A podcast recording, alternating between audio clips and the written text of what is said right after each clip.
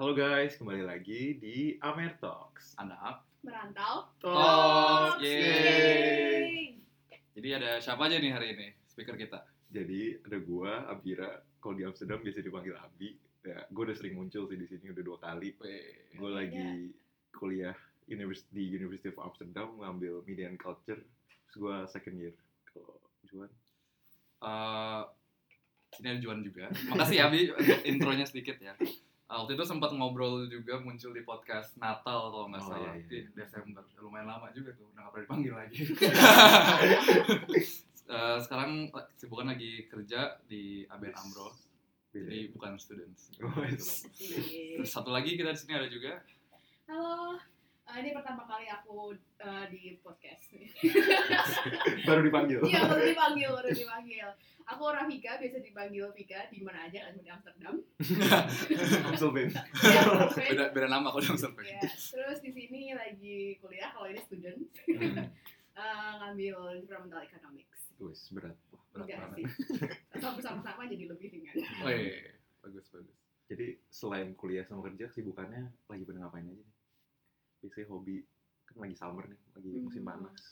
Summer paling sibuk jalan-jalan, Hmm. menikmat. Mumpung cuacanya lagi oke kan, Iya, biasanya iya, dingin, benar. terus sekarang matahari, Hmm. jadi keluar, terus ya gitu sih yang main sibuk apa ya, olahraga kan gitu. Oh iya. Ini sih sibuk nyari kipas angin kali ya. Oh, Panas banget nih ya. tiap Iya, hari. iya. Kerik Kalau banget. tidur tuh kayak aduh. Tapi ngomong-ngomong, eh, Euro tuh lagi heboh banget ya di sini kayak eh, kompetisi Euro lagi heboh banget di sini kayak semua orang lagi banyak fans-fans Belanda gitu di station biasanya. Oh. Terus kayak semua orang nonton bola gitu. Oh, iya, iya, lagi Iya. lagi Euro ya sekarang. Iya lagi Euro. Pantesan itu banyak Oh, WFA ya, WFA. kebanyakan kebanyakan ini kerja. Pan- jarang keluar ya. Banyak bendera-bendera Belanda Iya, iya. gitu di luar. Kalau di Central Station aja kayak udah ada pelang Euro gitu kan kalau nggak salah. Oh, Iya sih, memang Mm-mm. lagi bulan-bulan summer break kan buat mereka di Mm-mm. klub dan emang lagi jalan karena emang harusnya kan tahun lalu ya Euro Iya, ya. sih tahun lalu. Kebetulan karena kemarin corona baru Iya, saja pandemi. menyerang dunia, jadi Aduh. agak diundur setahun jadi hari ini. Ya, makanya namanya ini ya. ma- namanya masih Euro 2020 Iya, kan, bukan Euro Iya, 2021. iya. 2021 gitu, Iya. tapi namanya Aneh tetap sih. Euro 2020. Tapi Ya udah lah ya. Lanjut aja. Apa-apa lah ya, once in a Mm-mm. lifetime gitu. Iya, Jadi- Kapan lagi gitu. Iya benar-benar. Ya tapi ngobrol-ngobrol menurut kalian nih, em, kenapa ya sepak bola tuh kayak populer banget gitu, terutama di Eropa di seluruh Mhm. dunia sih ya. Kecuali mungkin di Amerika nggak terlalu Iya, ya, iya. cuman ya di Asia di Eropa tuh kayak semua orang ngomongin gitu. Ya di sini emang gimana gila banget sih kayak semua orang gua ngeliat kayak gila banget sama bola tapi itu gimana tuh sejarahnya Sejarahnya jadi jadi jadi gini, ag- agak panjang sebenarnya. Oh, agak panjang ya? Bola. Siap Oh. mendengarkan ya. siap mendengarkan Siap ya? pakar sepak bola ya Kebetulan bukan.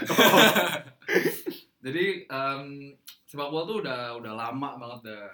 Eh, walaupun fans sebanyak gila banget di sini di Eropa, tapi sebenarnya di Cina, dari Asia itu udah dari lama udah udah muncul. sepak- oh jadi sebenarnya bola. bukan dari Eropa gitu technically technically bukan sejarahnya emang dari Cina dan Jepang itu Hmm. udah ada. Kayaknya hmm. apa-apa banyak dari Cina ya. wah wah wah emang asalnya semua dari sana sepertinya Benar. Tapi intinya intinya bola itu dari ya backgroundnya dari Asia dari Cina dan Jepang itu Hmm. udah ada habis itu nggak lama tuh muncul lah di Ing- eh, di Inggris dan di Hmm. Irlandia oh mulai juga di orang-orang mulai mungkin ya entahlah kena influence atau gimana iya iya iya. terus mulai main tapi waktu itu masih nggak ada aturan gitu sih oh jadi atau ada nama apa namanya mob mob football ya kalau nggak salah iya mob football Hmm, jadi oke. memang jadi antar kampung gitu Antar kampung. iya iya Kalau di Indonesia kayak tarkam. iya iya iya Tarkam aja punya aturan Ini nenek moyangnya tarkam. Belum ada aturan. Iya makanya mob football. Hmm. belum ada aturan. Em, tapi setelah itu ya setelah ratusan tahun main tanpa aturan. Capek. Capek. Capek. Mungkin ada yang mikir oh kayaknya butuh aturan. Wah. Memang manusia suka memperlibat diri sendiri. iya. Jadi tahun 1700-an ada kaum kaum upper class ya. Hmm. mereka mulai um, mengcodify um, aturan di sepak bola oh jadi itu mulai di Inggris juga di Inggris oh, sekali Abi kayaknya. Abi udah baca- enggak enggak, baca- enggak, enggak. pakar juga baru nih baru kayaknya. sering denger denger aja oh gitu gitu ya Hmm. ya jadi mulai ada aturan Terus mulailah 1800-an itu klub-klub sepak bola seperti Cambridge Football Club Hmm. dan Sheffield mulai terbentuk. Itu mungkin karena gue sering denger kayak fans-fans Inggris kalau misalnya di social media gitu mereka sering ngomong kayak it's coming home, it's coming home. Iya, Football is coming home mungkin karena itu karena awal mulanya sebenarnya di Inggris terus Iya, benar. balik lagi ke mereka. So mereka udah lama nggak menang World Cup sama Iya, Euro bener gitu juga. jadi kayak kalau misalnya mereka menang it's coming home gitu. coming home Football. karena memang rumah football pertama ya di Iya, Eropa iya, gitu. Tapi kalau misalnya mulainya di Eropa nih, eh, di Inggris gitu ya, kenapa dia bisa hmm, sangat terkenal di seluruh tanah Eropa, bahkan mungkin di Amerika Selatan gitu, Mhm. di eh, Asia juga. Iya, iya. Kira gimana proses penyebaran itu gitu? Eh, jadi pertama tuh kalau nggak salah di tahun 1860 eh, tim sepak bola pertama yang non Inggris tuh dibentuk di Luzern, Switzerland. Habis itu baru di Buenos Aires di Argentina. Jadi itu ya Switzerland kan di Europe, habis itu Argentina dan Tiba-tiba. South Amerika. Iya. Lumayan gitu ya. lumayan sebaru lumayan jauh ya gitu. Iya. Mungkin karena ini juga ya, apa namanya kolonialisasi gitu, jadi Oh, ya, iya, iya, penjelajahan samudra gitu kan, terus Hmm. dari Eropa Tapi itu sebenarnya di startnya tuh awal mulanya gara-gara uh, pelajar Inggris yang traveling terus belajar keluar terus juga British Railway Workers jadi mereka Hmm. keluar terus nggak promosiin uh, football gitu loh Sekalian keluar. gitu Iya, ya. sekalian Uh, terus Terus habis itu mereka habis main itu terus kebentuk cup-cup gitu sendiri atau asosiasi bola itu kapan sih mulai? jadi kayak kalau mas- yang gue denger ya pertandingan internasional pertama itu yang diakuin oleh FIFA itu terjadi di, di tahun 1872 terus itu antara Inggris dan Scotland jadi the first official football game itu tahun 1872 antara Inggris sama Scotland Kirain tahun 18-an, 18 maksudnya 1800-an gitu, itu belum ada FIFA nggak sih? Eh, Kalau nggak salah ingat ya, FIFA tuh kayak terbentuk 1900 awal gitu, early 1900. Eh nggak, tapi mungkin tahu ya, sih kita nggak tahu sih wah ini pakai sepak bola juga nih sepertinya melihat sejarahnya gitu, tapi Uh-uh. kemudian si FIFA mengakui, oh iya sebenarnya kita baru terbentuk nih 1900-an, Oh, cuman iya. sebelum Mungkin itu ada- sudah ada ada cuman kecil gitu, iya. pertandingan-pertandingan, Mungkin iya, iya. officially one officially FIFA gitu loh tapi Iya. organisasi kecil mungkin Iya, yang cikal bakal FIFA, FIFA lah mungkin ya. iya iya iya Nah, tapi juga di tahun segituan uh, waktu mulai official match pertama itu lebih tepatnya di Scotland itu mulai um, gaya bermainnya mereka juga mulai beda. oh kenapa kenapa berbeda gimana tuh Jadi dulu itu pemain lebih individualis. individualis gimana tuh kayak orang Belanda Waduh, Itu wah juga- i- wah wah tapi Itu- benar kok itu benar itu ada, ada culture ya. ada statistik ya kalau itu Di luar kayak orang Belanda. oh, oke Jadi individualis itu mereka um, istilahnya suka mendribble bola sendiri gitu sampai Oh, jauh-jauhan. oh Maruk gitu oh sih. maruk maruk Kayak Subasa. wah Enggak, jadi um, awalnya mereka coba dribble jauh-jauhan. Hmm. Jadi uh, konsep passing itu bukan Hmm. sesuatu yang apa ya, bukan bukan yang normal gitu Oke, sih. oke, Jadi oke. waktu itu mereka kayak udah pengen kelihatan Iya, jago iya, sendiri, iya, iya. bawa tuh bola sendiri. bukan kayak bola yang kita lihat sekarang gitu bukan kayak bola yang kita lihat sekarang di mana. Iya, lebih capek sih. Makanya akhirnya Iya, mereka kepikiran. Terus akhirnya gaya um, yang mulai passing ini akhirnya tersebar juga lah oh sama ya tadi sama pelajar-pelajar juga ya sama pelajar-pelajar itu juga. tapi iya dari Inggris di Inggris ke Prancis ke Jerman terus kayak Scandinavian countries habis iya, itu. jadi tersebar ke seluruh Eropa gitu lah. Ya, terus kayak uh, abis kesebarnya itu kayak di tahun 1955 akhirnya ada kayak kompetisi antar Eropa uh, kayak yang sekarang disebut uh, UEFA Champions League yang kemarin sempet kayak mau bubar nggak bubar sih karena mau ada league baru iya. Terus ya di tahun 1958 itu pertama negara antar negara-negara Eropa uh, which is called the Euro sekarang yang sekarang lagi jalan gitu. Berarti udah lumayan lama juga itu ya. lama sih. Dari 50-an 60-an. lumayan. Tapi sebenarnya nggak selama itu sih. Terus lama. Ya udah. post kayak abis perang dunia kedua gitu loh. Kayak yang official Well, yeah, if you think about it. iya. Itu nggak lama sih cuman Iya, lama sih ya. Tapi kan belum kalau- 100 tahun gitu Heeh, tapi Iya. kalau kayak World Cup sendiri tuh kan sudah dimulai sebelum World War ya sebenarnya. iya cuman sempet ada kayak Iya ya. iya Hmm. sempet ada Tapi waktu World War, jadi mereka tetap main bola apa stop dulu apa gimana sih? Iya itu gimana tuh? Iya ya.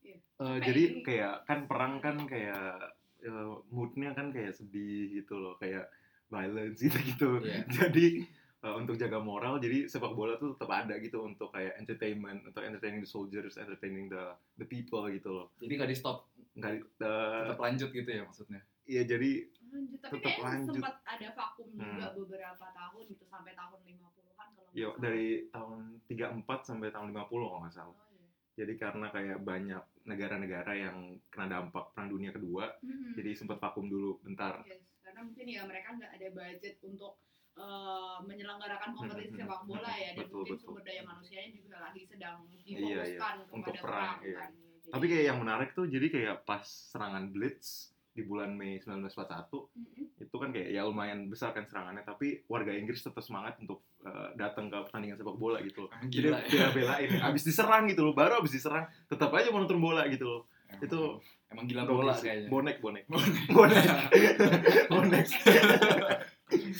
ya mungkin itu juga apa ya bola jadi salah satu hmm, type entertainment ya gitu Mhm. jadi jadi ya terus dan jadi itu juga uh, pas perang digunakan jadi metode untuk uh, penggalangan dana dana. charity gitu iya iya fungsinya bukan sekedar olahraga aja ya tapi Iya. juga ya untuk unifikasi Iya, juga iya. terus membangun semangat Hmm. kemanusiaan gitu Iya, mungkin. terus kayak tapi duitnya akhirnya dipakai buat ini juga buat angkatan laut dikasih ke angkatan laut buat militer gitu loh jadi nggak apa-apa sih asal nggak dikorupsi aja wah Waduh. waduh berat berat waduh Nggak, nggak, tapi tapi emang, emang menarik. Jadi emang bukan cuma entertainment doang, bukan cuma sekedar olahraga, cuman ada misi-misi lain yang memang mau dicapai Hmm. gitu kan. iya iya tapi mungkin kayak pas zaman itu bola juga menjadi suatu hal yang untuk mempersatukan antar negara juga karena kayak eh, waktu itu kan abis perang dunia kedua especially kayak banyak perpecahan kayak antara Jerman Barat sama Jerman Timur. Terus ada banyak eh, diktator-diktator sama ada eh, perang ideologi antara Uni Soviet sama eh, yang liberal-liberal gitu. Jadi itu bola menjadi satu hal untuk mempersatukan antar bangsa sama antar orang-orang gitu. Luar biasa banget.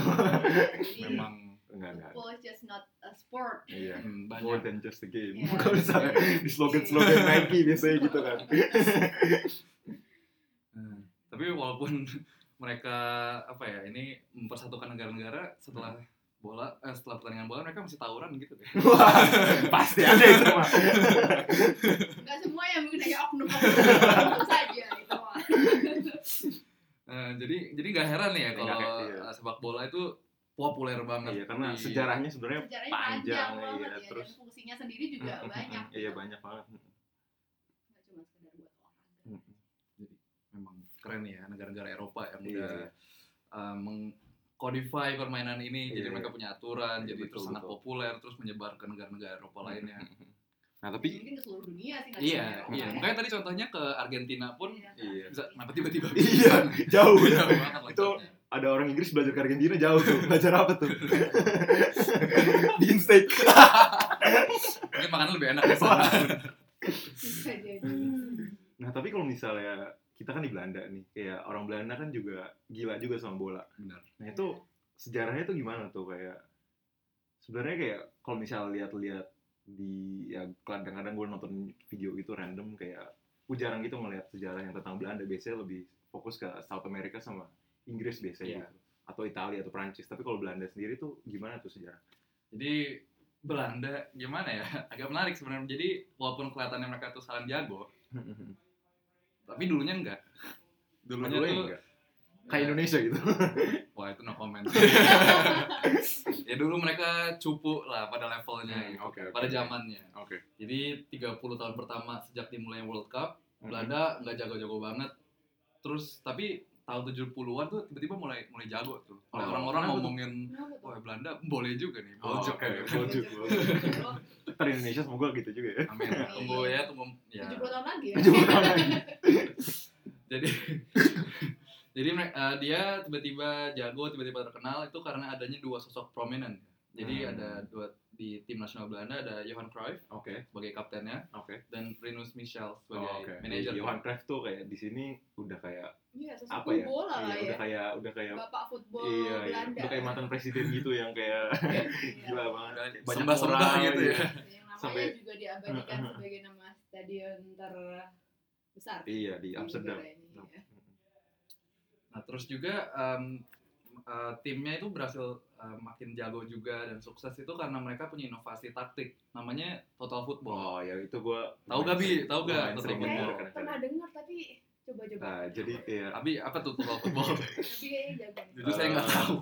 ya itu gue sering kayak lihat gitu di video-video YouTube gitu jadi kayak itu kayak sistem yang cukup kayak influential banget untuk kayak uh, football sekarang jadi itu kayak taktik gitu loh kayak uh, jadi taktiknya utilize uh, fluidity sama space gitu jadi konsepnya itu while attacking make the pitch uh, look big terus while defending make the pitch look small gitu itu uh, filosofinya Rinus Michaels Michels Wah Eh. itu agresif banget kedengarannya ya. Iya. Kayak capek gitu loh. Capek kayak sih. Kejar-kejaran Iya, gitu semua. Terus mereka kayak ngepres ngepres gitu loh. Iya iya.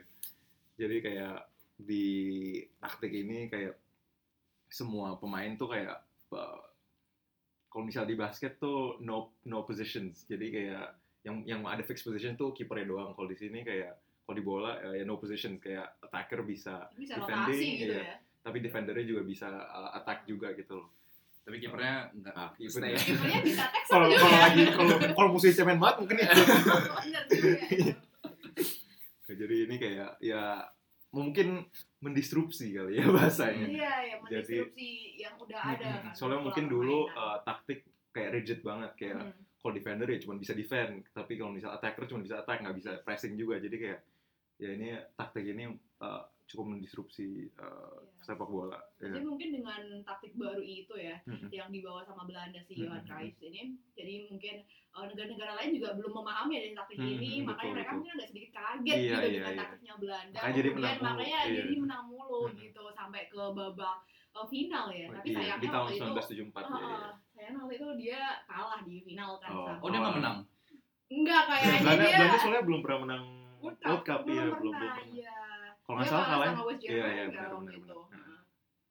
Terus ya taktik ini karena kayak uh, dibuat oleh Belanda juga dipakai sama Ajax. Hmm. Eh, terus kayak karena itu mereka nggak kayak nggak kayak nggak kayak Belanda mereka menang Champions League tiga kali berturut-turut di tahun 70-an itu kayak mereka Jago jadi mereka jadi uh, ada yang bilang uh, the best team in the world pas saat itu Mhm. Terus kayak di tahun 78 juga oh kalau ini Belanda uh, mereka juga ke final tapi kalah lawan Argentina kalah lagi tapi kayak akhirnya tahun 1988 mereka menang Euro bukan World Cup tapi Euro Yeay. eh, Iya, sesuatu lah sesuatu lah, Akhirnya apresiasi menang lah. menang sesuatu menang. lah Itu kan the one and only ya, title Euronya kayaknya Belanda. iya iya iya Apakah akan coming home tahun ini? wah football clubhouse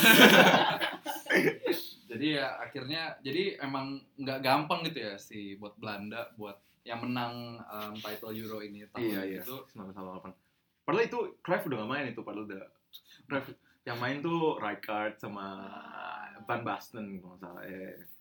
Lucunya malah menang pas Cruyff nggak ada. iya. Wah, wah.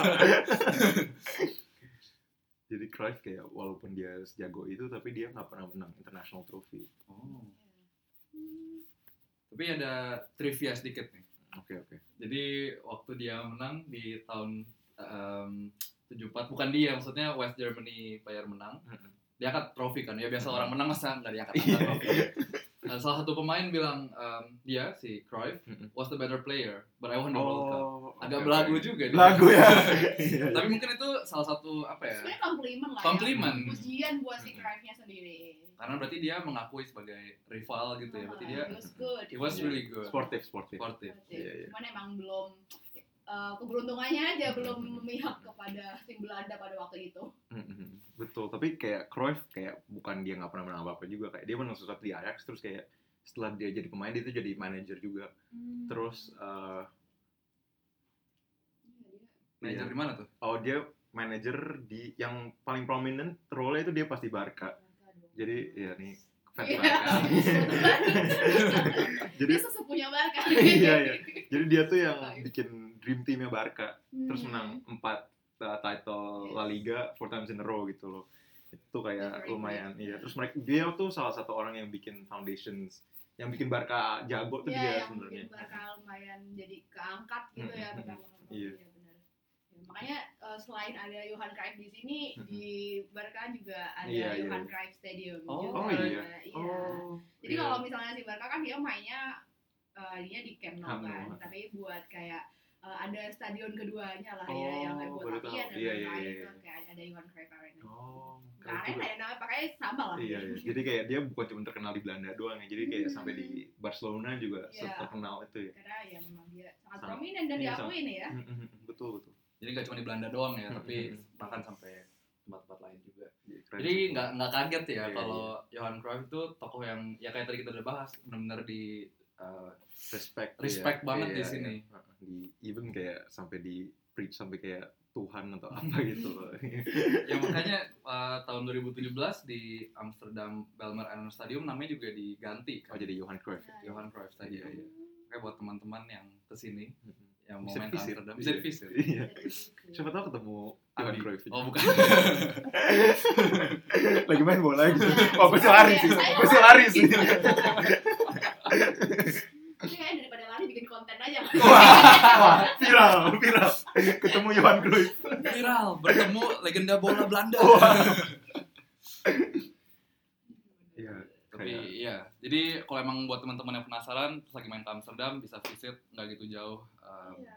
lo- lokasi arenanya. Jadi sentral deket lah ya, nggak Ya, terlalu 20 menit lah ya, naik 20 menit metro. lah. 20 menit Iya. metro dan di sana juga banyak fasilitas juga yang bisa ya, ada tempat makan dan Mm, mm, lain-lain mm, mm, gitu gitu. Tapi kayak dari tadi kan udah ngomongin Eropa nih. Terus kayak eh, kita kan orang Indonesia nih. Orang Indonesia kan kayak gila banget juga sama bola. Itu tuh kayak gimana sih tuh kayak ada influence nggak sih dari kayak masa era kolonialisasi kolonialisasi Hmm. eh, Belanda di Indonesia tuh ada nggak sih? Um, surprisingly iya ada sih pasti Iya. karena ya selain uh, mengambil rempah-rempah kita ya. Wah, ini orang-orang Belanda ke Indonesia juga memberikan sedikit banyak dampak positif gitu kepada uh, culture budaya-budaya di Mhm. negara kita. Gitu. Salah satunya itu dengan membawa berbagai jenis olahraga-olahraga baru nih di Oke. negara kita yaitu salah Seperti satunya sepak adalah sepak bola gitu. Uh, di mana uh, ada yang namanya the Dutch East Indies Government ya Mhm. pemerintah Belanda lah ya yang di Indonesia itu kayak mulai uh, mengenalkan sepak bola di Indonesia sejak tahun 1914 Oh, udah lama. Udah lama, udah. Iya. Ini sebelum perang dunia pertama nggak sih? Apa pada saat perang dunia pertama ini? Kayak- sebelum. Kayak Sebelum. udah mau kelar ya kalau nggak salah. Iya. ntar ntar kita suruh Abi Iya, iya. YouTube lagi. Udah mau kelar kan? iya iya dia mengenalkan sepak bola kayak gitu terus eh, tahun 90-an lah ya kira-kira eh, ada tiga football club gitu di Indonesia dibentuk. Terus ada kalau nggak salah ada kayak tiga ya apa so- society-nya apa association-nya. association eh, Jadi yang- Pertama tuh eh, Netherlands Indisch Football Bond itu isinya kayak menir-menir Belanda yang gitu loh. Iya, Belanda, Iya, yang iya. yang kastanya paling atas kali ya saat itu. Wah.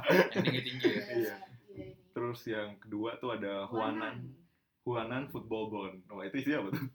Ya itu belongs to the Chinese nation. Oh. Isinya ya Asia yang Timur Asia Timur loh gitu ya Asia Timur. Oh, benar. iya. Terus yang terakhir tuh Ada yang sangat kita kenal ya. Iya, Iya. persat kalau dulu namanya Persatuan Sepak Raga Seluruh Indonesia. Sekarang emang apa? Sepak Persatuan bola. Sepak Bola. Oh. Iya. Oke oke oke. Jadi sebenarnya PSS itu udah dibentuk dari cikal bakalnya udah dibentuk Iya, dari iya. zaman Belanda. iya, 1930-an ya ini. Oh, iya, jadi jadi udah lama sih. Mereka Tapi pas itu kastanya 90-an. Kan waktu itu masih ada kayak sistem Iya, kastanya sangat kuat. Nah. PSSI itu paling bawah. Kayak mungkin eh, kebiasaan kali ya. Jadi cara kerjanya sampai sekarang kebiasaan kasta paling bawah. mute mute itu. Cut cut. cut. Ah. Tapi um, PSI, PSSI itu sendiri sejarahnya gimana? Dia pendirinya siapa sih? Em, kalau nggak salah ingat sih ini pendirinya PSS itu Suratin Sosro Sugondo. Oh. Salah. Oh. Nah, agak susah. Susah. Ya, nah beliau ini seorang insinyur pada dasarnya. Oh, jadi nggak ada- nggak ada- Iya, bukan pemain sepak bola Oh, atau manajer gitu ya. gitu lah ya. Dia se- seorang insinyur insinyur teknik sipil gitu yang Oh. lulus dari Jerman. Nah, Oh, Jerman kan pada saat itu Iya, iya, udah iya. terekspos dengan Hmm, Engineering eh, gitu-gitu. ya dan sepak Oh, bola sepak bola di juga, Eropa iya, kan iya, waktu iya. dia pulang gitu dia wah ini Sabi nih kayaknya si boleh eh, juga gitu iya, sepak bola, iya. ini digunakan eh, dikenalin gitu ke masyarakat Mhm. Indonesia terus ya biar untuk unifikasi lah masyarakat Mhm. Indonesia dan memberikan entertainment juga kepada mereka gitu. jadi lagi-lagi students lagi nih yang menyebarkan Iya, wah. Peran influence student Wah. sangat peran besar students gitu ya. sangat besar Kita kan student Wah, jadi yang ini ya, jadi student lagi jadi sering lagi. jadi nggak enak Ya, Terus kayak ini dipakai juga buat kayak menumbuhkan rasa nasionalisme Iya Indonesia sih, juga ya. iya. Jadi kayak mungkin similar kayak pas di Eropa tadi. Jadi kayak untuk sistem unifikasi sama Iya. nasionalisme tadi. meskipun dia lagi perang dunia tapi tetap ada ini ya tetap Mhm. footballnya tetap jalan dan itu juga taktik yang dipakai sama pelajar si ini tadi bapak siapa namanya Suratin ya ya untuk menumbuhkan jiwa nasionalisme Betul, kepada betul. masyarakat Indonesia dan sebagai bentuk perlawanan juga nih terhadap Iya, iya, Belanda iya, kayak iya. gitu bahwa ya kita nggak setuju nih sama kolonialisme dan lain-lain tapi kan di Indonesia sempat ada ya kita tahu ada penjajahan lah ya Iya, iya. itu eh, pas penjajahan Jepang itu masih lanjut gitu sepak bola Eh, itu sempat mati, sempat kayak ya vakum, Vakum. gitu lah. Hmm. Iya iya. Soalnya kayak olahraga pas penjajahan Jepang itu olahraga tuh nggak nggak boleh gitu loh.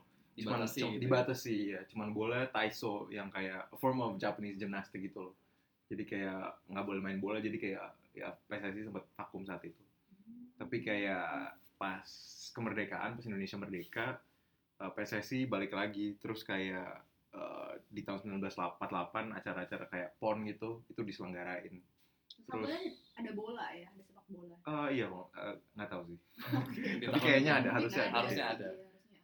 Tapi di tahun 1990 tuh yang beneran officially PSSI eh, reactivated gitu. jadi bukan hanya merdeka secara negara tapi merdeka olahraga juga Anjay. bisa olahraga jiwa dan raga Wah. yang Gokil. Penjas. gimana gimana mensana incorpore sano ya? Wah. di dalam Wah. jiwa yang sehat salah di dalam raga yang sehat dalam jiwa yang Luar biasa. kuat Wah, luar biasa. dicatat ya teman-teman jadi kita udah ngomong panjang banget nih panjang Panjang, lebar panjang. masalah Capek sejarah capek sih dari kita loncat-loncat soalnya dari Eropa terus ke Inggris juga terus ke, Ke Indonesia Belanda. juga udah Ya, ya ke Belanda. ke Belanda panjang tuh jadi em, ya nggak- udah, udah dari lama pun sampai sekarang masih relevan gue sepak bola Masih relevan banget. parah parah sampai in the future tuh Iya, bakalan selalu, selalu iya. relevan ya. selalu relevan Hmm. makanya even di tengah pandemi seperti ini covid seperti ini orang tuh em, masih semangat banget buat nonton Iya, iya. Euro Iya, gila sih. kalau kalian pengalaman nonton Euro di sini gimana nih Eh, nonton langsung kah ke mungkin, stadium mungkin atau yang pernah nonton langsung dulu kali ya. Aduh. Experience gimana? Iya waktu itu nggak sengaja sih bukan nggak sengaja. Oh, nggak sengaja. Nggak sengaja beli tiket nggak Nggak sengaja iya. Iya dan hilang. Enggak jadi waktu itu emang kan harusnya Euro kan tahun 2020 ya kalau nggak. Ya bukan nggak salah emang ini dari 2020 orang kebetulan waktu itu 2020 aku apply sekolah gitu kayak. Oh, oke oke. Wah, seru nih, pas banget bertepatan sama Euro sekolahnya Iya. bisa nonton nih. Iya. ternyata Euronya diundur. Undur gitu. 2021. Terus sekolahnya Sekolah di- sekolahnya kan diundur. Oh. Tapi mungkin karena itu eh, aku bersyukur juga gitu. Karena kalau misalnya eh, Euronya nggak diundur, mungkin aku nggak akan eh, Oh. nonton. Karena kan Kenapa? Euronya kan dua Juni kan. Oh iya, terus baru Sedangkan berangkat. aku baru berangkat Agustus ya, bulan Agustus, Agustus, oh, jadi udah Agustus, iya, iya. selesai gitu. Nah ternyata Iya, diundur emang nungguin Iya. aku deh. Iya, emang ditungguin beneran. gitu ya. Iya, jadi kemarin emang karena udah rencana dari awal karena niatnya sekolah di sini mau nonton Euro bukan mau sekolah nggak jadi. Oh, ya. Gitu. kebalik kayaknya Makanya aku diluruskan. ya, jadi emang sengaja nyempetin nih Mhm. gitu non- nonton kan. Tapi ya karena itu kan harusnya event tahun lalu kan. Mhm. Jadi eh, emang tiketnya sudah terjual habis kan tahun Mhm. lalu sebenarnya. Bahkan kapasitasnya pun dikurangin. Iya, Di mana betul. dulu kapasitasnya bisa 100%, sekarang kalau nggak salah kemarin cuma 33 persen Iya, iya, ya kapasitasnya. Sedikit tuh ya. Iya, jadi sekitar 16 ribu penonton lah ya. dikit sih. Dari kapasitasnya ya yang 50 ribu lebih. 50 ribu. gitu.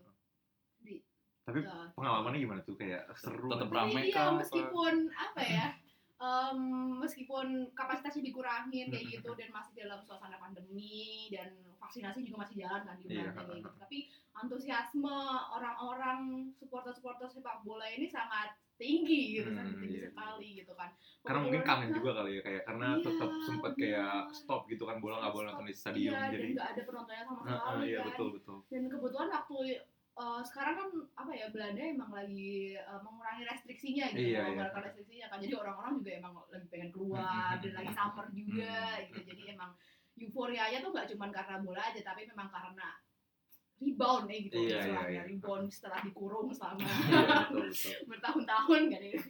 Sekian purnama terus jadi mereka Tapi kemarin pas mau nonton itu em, dicek kayak mesti tes corona dulu kah apa gimana? Oh iya, Hmm. Eh, jadi kebetulan kan tiketnya udah habis, jadi aku dapat dari platform lain, intinya ter terparty gitu lah Ah, ya, ah. jadi harganya emang agak sedikit lebih tinggi, Oke, tapi worth it ya masih lah ya. worth it Iya. lah ya, karena antusiasmenya, Iya, iya, iya. vibe-nya tuh, Iya. ya atmosfernya ya gitulah, oke banget.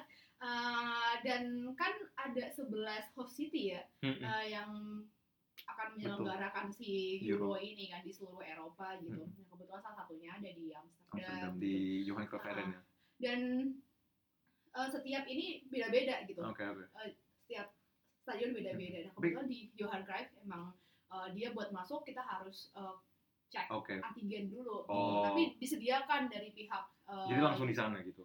sebenarnya bisa appointment sebelumnya Oh. tapi bisa langsung di sana Oke. juga. Gratis? dan itu gratis Oh. semuanya udah include sama tiketnya kayak gitu kan karena emang ya pemerintah Belanda juga ingin meningkatkan kembali pariwisatanya Iya, kan jadi iya, dia betul. menyediakan Tapi Kak Vika kemarin nonton game yang mana sih? Oh, kemarin nonton yang uh, Netherlands versus Austria. Oh, ya lumayan seru. 2-0 kan kalau salah. Iya, dua Ceritanya penalti tapi. Oh, iya, iya. Yang penting menang. Iya, Yang penting yang menang. penting menang. Iya, benar. Meskipun ya agak ini tapi cukup Worth, worth it lah ya. Worth it lah worth ya. it, Iya. worth it. Juan juga pernah kan kalau nggak salah nonton di Iya. Balmer. Oh, Johan Johan Cruyff Arena. Pernah juga, uh, tapi itu um, 2019 Oh. Ajax lawan PAOK. Sebelum pandemi. Sebelum pandemi. Sebelum pandemi, Oh, sebelum- itu kalau nggak salah Champions League ya. Champions League. Oke. Jadi ya udah lumayan lama, Mhm. tapi tetap berkesan. Oke, oke. Itu Rame pas, sih. pas itu berarti kayak full kan kapasitas Full, full, stadium full, ya. full, full. Dan kita menang juga. Oh, oke, Jadi, oke. iya, iya. Ya udah bayar jadi senang juga. sih. Iya. Nggak rugi. Ya kalau misalnya udah bayar terus nggak ada goyang kan sedih. Iya, wah itu males sih. Iya. Kalau gua sendiri nggak pernah sih nonton di Oh, belum. belum pernah belum. Belum. Mungkin tahun depan ya. Tapi udah pernahnya terus selama ini nontonnya gimana di sini? Kalau kemarin karena pub udah buka juga Ah. karena regulasi ya sudah di kayak loosen, dilonggarkan iya, lah ya. Jadi uh, gue kemarin nonton di pub yang game lawan uh, North Macedonia. Mhm. Uh, terus itu lumayan seru juga sih kayak orang-orang Belanda kayak pada gila juga kayak nontonnya. Jadi kayak atmosfernya lumayan lah. Kayak Berasa juga lah. Iya, ya. nggak kayak di stadion tapi kayak ya lumayan lah, lumayan Tetap rame kan di pub. gitu. Iya, daripada kalau nggak opsi lainnya gue nonton sendiri di rumah. Oh, Lebih iya. seru nonton di pub kan. Tapi bedanya nonton Euro di Belanda sama di sini tuh ada bedanya nggak sih? Di Selain beda jamnya ya. di Indo. Belanda sama Indo. Indonesia. Oh, di Indo ya. jam. Oke. Sorry, sorry, sorry. Eh, ya pertama beda jamnya kayak kalau misalnya di Indo kan kayak tengah malam jam Tengah malam, jam iya, tiga. iya. Oh di sini kan ya masih kita masih, masih melek lah ya Iya. istilahnya. Antara masih ada kan. Tapi kalau gimana sebenarnya nggak beda jauh sih. Kayak kalau di sini kan nontonnya juga sama teman-teman orang Indonesia juga kan. Jadi kayak eh, Iya mungkin vibe-nya lebih kerasa aja karena Mm-mm. atributnya Iya, yang mungkin sih, karena sama semua nontonnya sama lokalnya juga. Jadi Iya, kayak semangat mereka juga beda lah ya. Iya. Tapi bisa ketemu main juga dong berarti di sini. oh Bisa gak sih? Kayak sebenarnya kebayang iya. gak sih? Kan kan Gua sih- orangnya main di sini Iya. kan. Bisa aja gak sih lagi gua gua pernah sih sebenarnya. Oh iya? Iya. Gua Sama pernah siapa jadi, tuh? Siapa tuh? jadi ada pemain baru namanya Gravenberg kalau tahu. Pemain Eh, dia sub sih, dia nggak starter. Oke. Kemarin tapi lawan North Macedonia start ya. Oh, iya, iya, iya. Terus jadi gue kan tinggal di Diemen. Ah, ah, Habis itu gue pernah ke supermarket namanya AHA ya, ah, ah, ya Albert Heijn. Aldrin. ya. ah. Terus kayak gue lagi mau belanja, terus tiba-tiba ada dia gitu. Ah, Sumpah. Dia Iya, dia sumpah. dia lagi ngapain? Kerja Dia lagi mau- dia abis belanja Oh kayaknya. gitu. Oh. Iya, Rajin terus jadi belajar sendiri. terus gue jadi ngestok gitu. Jadi gue lihat di Twitter ternyata dia tinggal di Diemen juga. Oh. Tapi dia masih muda, masih lebih muda dari gue ternyata Hah? dia. Oh. 2002 lahirnya. Jadi Oh, berarti 19 tahun. 19 ya. Iya. Wow. Terus nggak ketemunya nggak cuma sekali. Terus waktu itu gue baru selesai belanja, nah dia baru mau belanja. Jadi kapan-kapan disamperin bi. iya harusnya minta foto sih. Iya benar. Jangan-jangan jodoh. waduh, waduh. Udah gue boleh sih. Iya, buat kamu aja. ya gitu. Aduh. Jadi kita udah Juan juga pernah kan ketemu Johan Cruyff. Stadiumnya mungkin. Oh. Terus itu stadiumnya. Kalau orang, Kalau ketemu orangnya Lari sih. sih, lari sih. kalau Kafika bikin konten. Eh, enggak sih enggak. Iya, iya. Tapi gimana nih kan Euro udah udah berjalan sekitar beberapa menit. Udah mulai 16 besar ya Udah sekarang. Iya, 16 besar ya. Menurut kalian gimana nih? Sekarang kita tinggal di Belanda. Mm-mm. Ya mungkin secara nggak sadar kita bias kita mendukung Belanda. Menurut Iya, kalian tuh Iya sih. sejauh ini Belanda gimana? Bisa Eh, jauh kah atau Sebenarnya awal-awal gue apatis banget sih sama Belanda. Soalnya manajernya kan baru ganti, terus Iya. kayak manajernya tuh sebenarnya track recordnya jelek banget. Frank de Boer, ya ya. Frank de Boer. Kayak bahkan sama kayak Mourinho, kalau misal tahu, dia Iya. kayak one of the best managers in the world bilang Frank de Boer itu one of the worst managers in the world. Waduh, waduh, waduh, Iya. Jadi kayak sebenarnya track record uh, manajernya tuh jelek gitu. Jadi kayak gue apatis, tapi kayak sejauh ini lumayan juga kayak Iya. menang 100% kan track recordnya. juga lumayan kok sejauh ini dan ya mainnya cukup seru dan oke lah. Mm-mm. Meskipun pas gue nonton itu gue gak terlalu puas sih. Maksudnya pas sama Ukraine itu dia lebih all Iya, out iya, gitu, lebih all oke performance-nya. Tapi pas uh, lawan Australia itu kayak uh, bahkan ball possession-nya aja dia masih kalah sama Iya, iya Austria benar benar kayak. benar benar. Iya, emang biasanya mainnya lebih counter attack gitu Iya, kan Belanda. agak bahaya sih kita. iya bahaya sih sebenarnya. tapi Tapi juga oke. eh, tapi lah. oke sih. Kemarin juga menang kan? Iya lawan North Macedonia itu 3-0 itu. Tapi North Macedonia kan kayak Iya. rankingnya. Iya. unggulkan lah. iya iya. Ya mungkin mereka menang juga karena grupnya bukan yang paling bahaya lah ya. bisa betul betul kayak gitu betul. Nah, kita lihat dibuktikan di Di- malam ini kan. Malam ini. Malam ini. Lawan Czech Republic. Come hoist nggak? Come hoist. football apa? tahu. Semoga semoga semoga. Semoga. Tapi game kalau menurut kalian eh, game favorit kalian di Euro eh, sejauh ini yang mana? Ah, Belanda Ukraine sih. Oh sama Setuju, sama aku sama juga sama. setuju. Itu Tiga intens, dua, intens banget. Soalnya dua udah gitu udah kan. dua nol terus dua dua kan. Habis itu tiba-tiba tiga dua itu Itu seru sih seru sih. Seru banget sih. Jadi Terus Iya. um, finalnya kapan ngomong-ngomong ya ini? eh, tanggal 12 Juli. 12 Juli ya? Iya, kebetulan gue lagi karantina. Oh, nggak bisa nonton bareng-bareng dong? Nggak bisa. Saya Aduh habis sayang. sapi tesis sih kayaknya. Oh. Wah. Sukses Selebrasi. Iya, selebrasi. Amin. Amin, amin, amin. Tapi kalian ada prediksi gak nih siapa yang kira-kira menang Euro 2020? Idealnya yang gue pengen sih Italia lawan Belanda. Soalnya gue suka cara Italia juga karena mereka cara mainnya bagus banget. Iya. Iya, setuju sih. Heeh. Gue bahkan ya salah satu unggulan gue di Euro Hmm. tahun ini Italia juga, iya.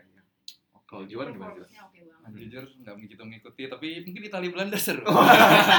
kan pada tinggal di Inggris. Iya, iya. Iya. Ya itu topik lain. Tapi kalau misalnya uh, finalnya Italia Belanda ya jalanan Belanda penuh. Maka pas- pasti sih, Papa pasti. bakalan iya. membeludak. Aduh, saya di karantina. Makanya nggak usah Sayang pulang. sekali. Aduh. pulang. Iya. Diemen aja. Jadi kita udah banyak banget ya pembahasannya dari Udah dari- lama, kayak udah 36 menit. ngobrol kita panjang banget nih salah satu podcast paling panjang mungkin ya. Iya, kita udah, udah belajar nih tentang sejarah gimana mereka bisa tersebar dari Eropa Argentina bahkan ke Indonesia juga Iya. gimana kan. Terus kalau ada take away ini kalian ada gak sih kayak menurut kalian take away paling penting dari pembicaraan hari ini? Um, gimana ya kalau buat aku sendiri ya sport is not just about sport gitu. Mhm. Tapi Oke. beyond that Wah. kenapa bisa menjadikan uh, unifikasi orang-orang Mhm. masyarakat gitu sebagai entertainment jelas lah ya kayak gitu ya sebagai ladang bisnis jelas. Wah, betul. Anak ekonomi. Money is everything. Nggak, nggak salah sih.